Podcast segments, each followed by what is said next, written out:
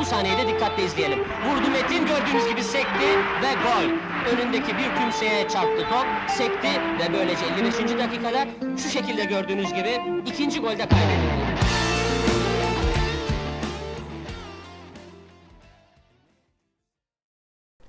Metinlerin takımından herkese merhaba. Aslına bakarsanız ilk bölümün konusu Metinlerin takımı ismi olacaktı.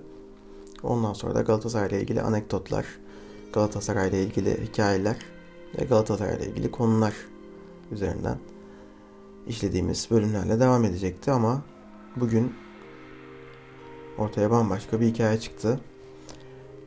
Şöyle bir sosyal medyada gezdiğimde de Galatasaray taraftarının kendisinden beklenmeyen, kendisine yakışmayan bir tavır içerisinde olduğunu gördüm. Ve bu bölümle başlama kararı verdim. Görmüşsünüzdür Galatasaray, teşekkürler Galatasaray'ım diye bir paylaşım yaptı. Gerek sosyal medyadaki yaklaşımlar gerek bu paylaşımın altındaki yorumlar beni bölümü konusunu birazdan anlatacağım şekilde belirlemeye itti. Galatasaray ikinciliğe teşekkür etmez. Ben 27 yıldır bir Galatasaraylı olarak bunu çok iyi biliyorum. Bunu bilmeyen Galatasaraylılar yetişti ve Galatasaray buna e, hitap ediyorsa onu bilemeyeceğim ama Galatasaray hiçbir zaman ikinciliği başarı olarak görmemiştir. Galatasaray ikincilikle teşekkür eden, ikinciliğe minnet eden bir takım olmamıştır, olmamalıdır, olmayacaktır bence. O yüzden ben resmi hesabımızın aksine resmi hesabımız teşekkür etmiş. Ben de kimlere teşekkür etmediğimi biraz toparlama ihtiyacı hissettim ve geneli yakın tarihteki maçlardan olmak üzere birkaç anekdot topladım. Katıldığınız, katılmadığınız, ekleyeceğiniz bölümler olabilir. Onları da dediğim gibi önümüzdeki bölümlerde konuşmak isterim eğer eklemek isterseniz. Şöyle başlayalım. Geldiği ilk günden bu yana oluşturdukları tandemin hiçbir şekilde güven vermediği Luyendama Marcao tandemine ben teşekkür etmiyorum.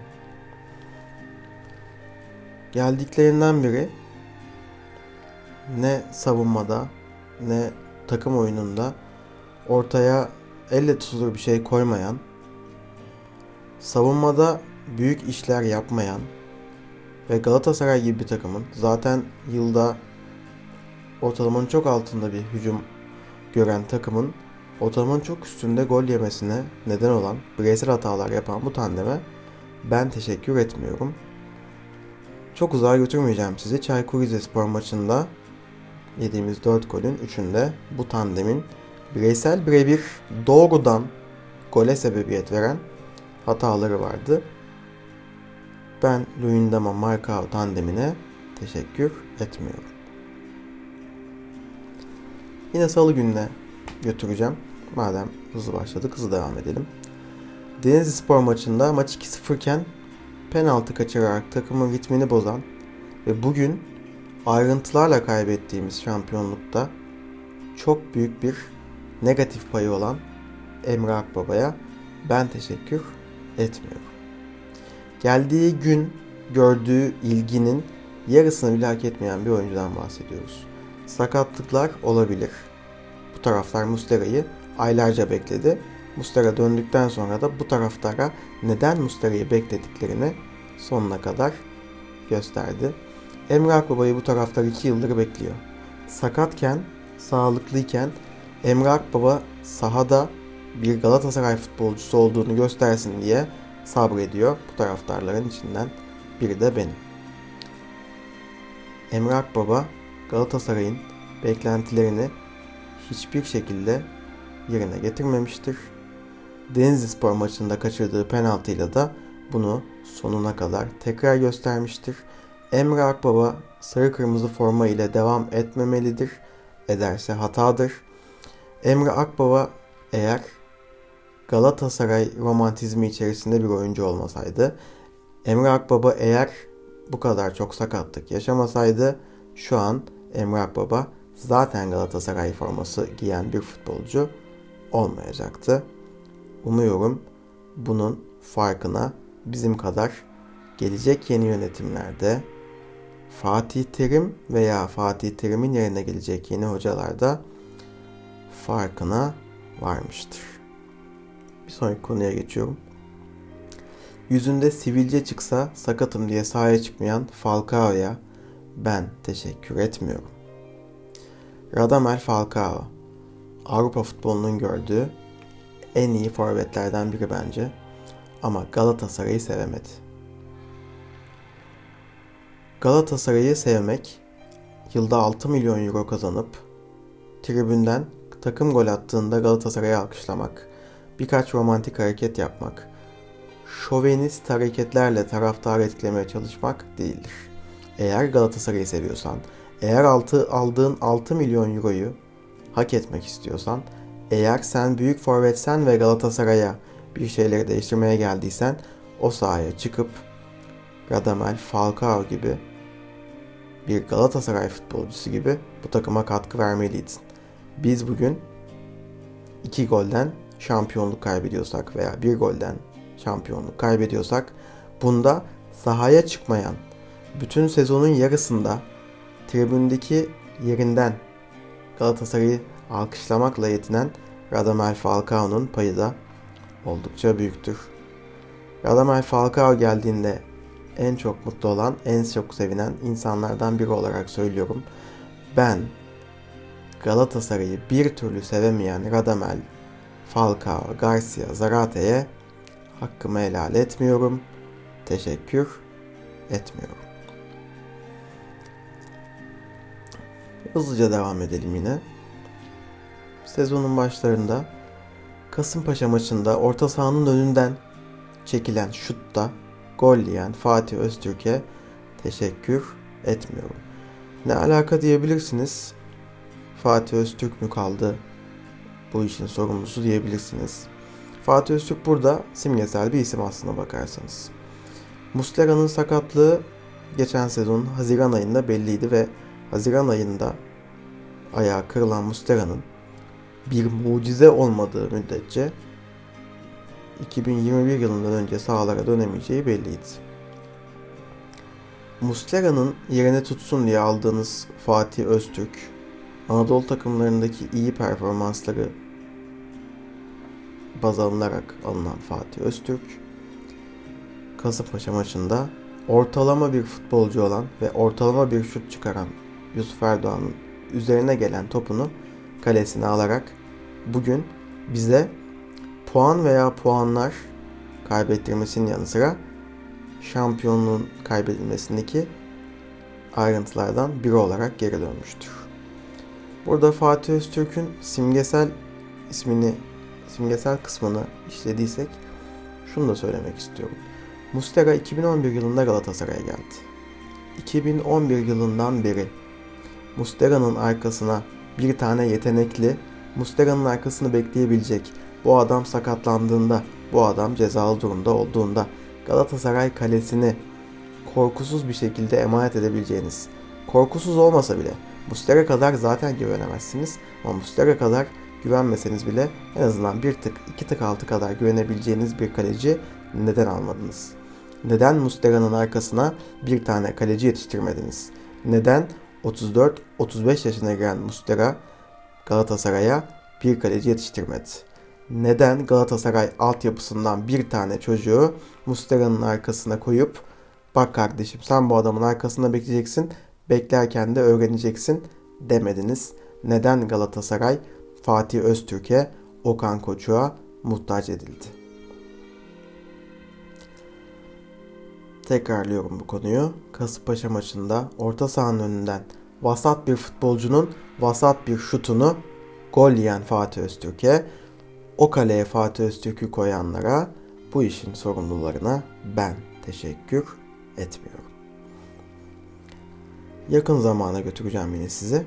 Hatayspor maçına gideceğiz. Hatayspor maçını son derece etkisiz ve son derece çaresiz bir oyunla 3-0 kaybettik.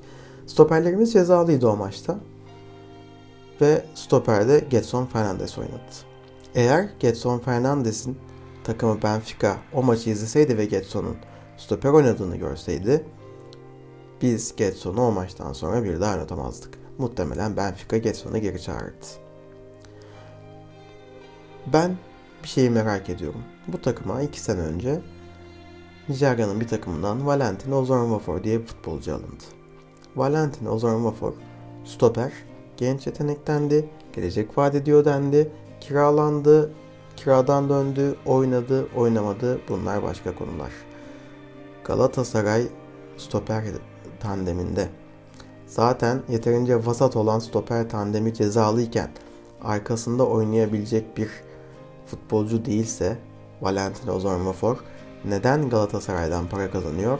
Neden senin, benim, babamızın, dedemizin, kardeşimizin, onun, bunun verdiği forma, verdiği yayın, verdiği atkı, verdiği bilmem ne paralarıyla Galatasaray'dan maaş alıyor. Neden Galatasaray'ın yabancı kontenjanında Ozon Vafor diye bir futbolcu var? Jetson Fernandez kadar stoper oynayamıyorsa Ozon Vafor'un üzerindeki Galatasaray formasının orada ne işi var? Devam ediyorum. Zaten dediğim gibi bu nedenlerin içerisindeki alt nedenleri işlediğimiz programlar olacak önümüzdeki haftalarda. Hızlıca devam edeyim. Takımda orta saha yokken Belhanda'yı kovan yönetime ben teşekkür etmiyorum. Yönetime teşekkür etmeyeceğim o kadar çok konu var ki buraya bunu yazarken mümkün mertebe yüzeysel kalmaya çalıştım. Yönetimi, Mustafa Cengiz yönetimini günahıyla sevabıyla işlediğimiz bir bölüm olacak. Orada yönetime teşekkür etmediğim konuları uzun uzadıya anlatacağım size. Ama burada yüzeysel kalmayı tercih ettim. Belhanda geldiği ilk günden beri gerek Snyder'in yerine gelmesi ve onun forma numarasını alması, gerek onun gelmesiyle Snyder'in fazlalık durumuna düşmesi ve benim Snyder'i çok seviyor olmamdan dolayı her zaman Belhanda'ya bir antipatiyle yaklaşmışımdır. Bunun da üzerine Belhanda'nın büyük maçlarda yaptığı saçma sapan hareketleri, maç seçmesi, gamsızlığı beni Belhanda'dan son derece soğutmuştur ve Belhanda'yı seven bir adam hiçbir zaman olmadım. Ancak Galatasaray sezona 3 orta sahayla başlamışken bunlardan biri geçen sezonun plasesi, geçen sezon çok kısıt süre bulmuş Taylan Antalyalı iken sezon içerisinde bir tane orta saha takıma katılmış ve o da daha henüz ritmini bulamamışken Belhanda bu takımdan gönderilmemeliydi. Bunun da üzerine Belhanda geçen sezon taraftara ağza alınmayacak küfürler ettiğinde Belhanda'yı göndermemiş. Size en ufak bir eleştiride bulunduğunda Belhanda'yı gönderdiyseniz sizin kriz yönetiminiz de iyi değildir. Takım yönetiminiz de zaten iyi değil. Takımda orta saha yokken Belhanda'yı kovan yönetime ben teşekkür etmiyorum. Ve geldik Fatih Hocam sana. Fatih Terim'le alakalı da hoca kalır gider. Bunun üzerine de bir program yapmayı planlıyorum. Ama yine yüzeysel bir eleştiri. Çok yakına götüreceğim sizi bu akşama. Sezonun en önemli maçında Mustafa Muhammed gibi Kadıköy'deki galibiyeti getiren, Antalya deplasmanındaki galibiyeti getiren, geçen hafta attığı iki golle bugün bizi mantıklı bir şekilde şampiyonluk yarışının içerisinde tutan Mustafa Muhammed'i 11'e koymayan Fatih Terim'e ben teşekkür etmiyorum. Bunları saydım çünkü sosyal medyada Galatasaray'ın, Galatasaraylılığın, Galatasaray winnerlığının ne olduğunu unutan çok fazla insan gördüm. Ve bunu tekrar hatırlatmak istedim. Galatasaray nelere, ne şekilde, ne durumdayken teşekkür eder bunu hatırlamanızı istedim. Galatasaray ikinciliğe sevinmez. Galatasaray ikincilikten teselli bulmaz. Galatasaray'ı ikincilik mutlu etmez. Galatasaray taraftarı ikincilikte takımına minnettar olmaz. Galatasaray için ikincilik beceriksizliktir, hatadır, başarısızlıktır. Galatasaray'a, sarı kırmızıya her zaman minnettarım her zaman teşekkür ediyorum. Her zaman da teşekkür edeceğim. Ama Galatasaray'ın sezonu ikinci bitirdiği senede ben oyuncuya, yönetime, hocaya teşekkür etmem. Galatasaray'ı Galatasaray yapan bu winnerlıktır. Galatasaray'ı Galatasaray yapan bu bilinçtir. Umarım bu bilince sahip oluruz. Umarım bu bilinç bizi winner yapmaya devam eder. Umarım bir daha ikinciliğe sevinmeyiz. Teşekkür ediyorum. Metinlerin takımından bugünlük bu kadar.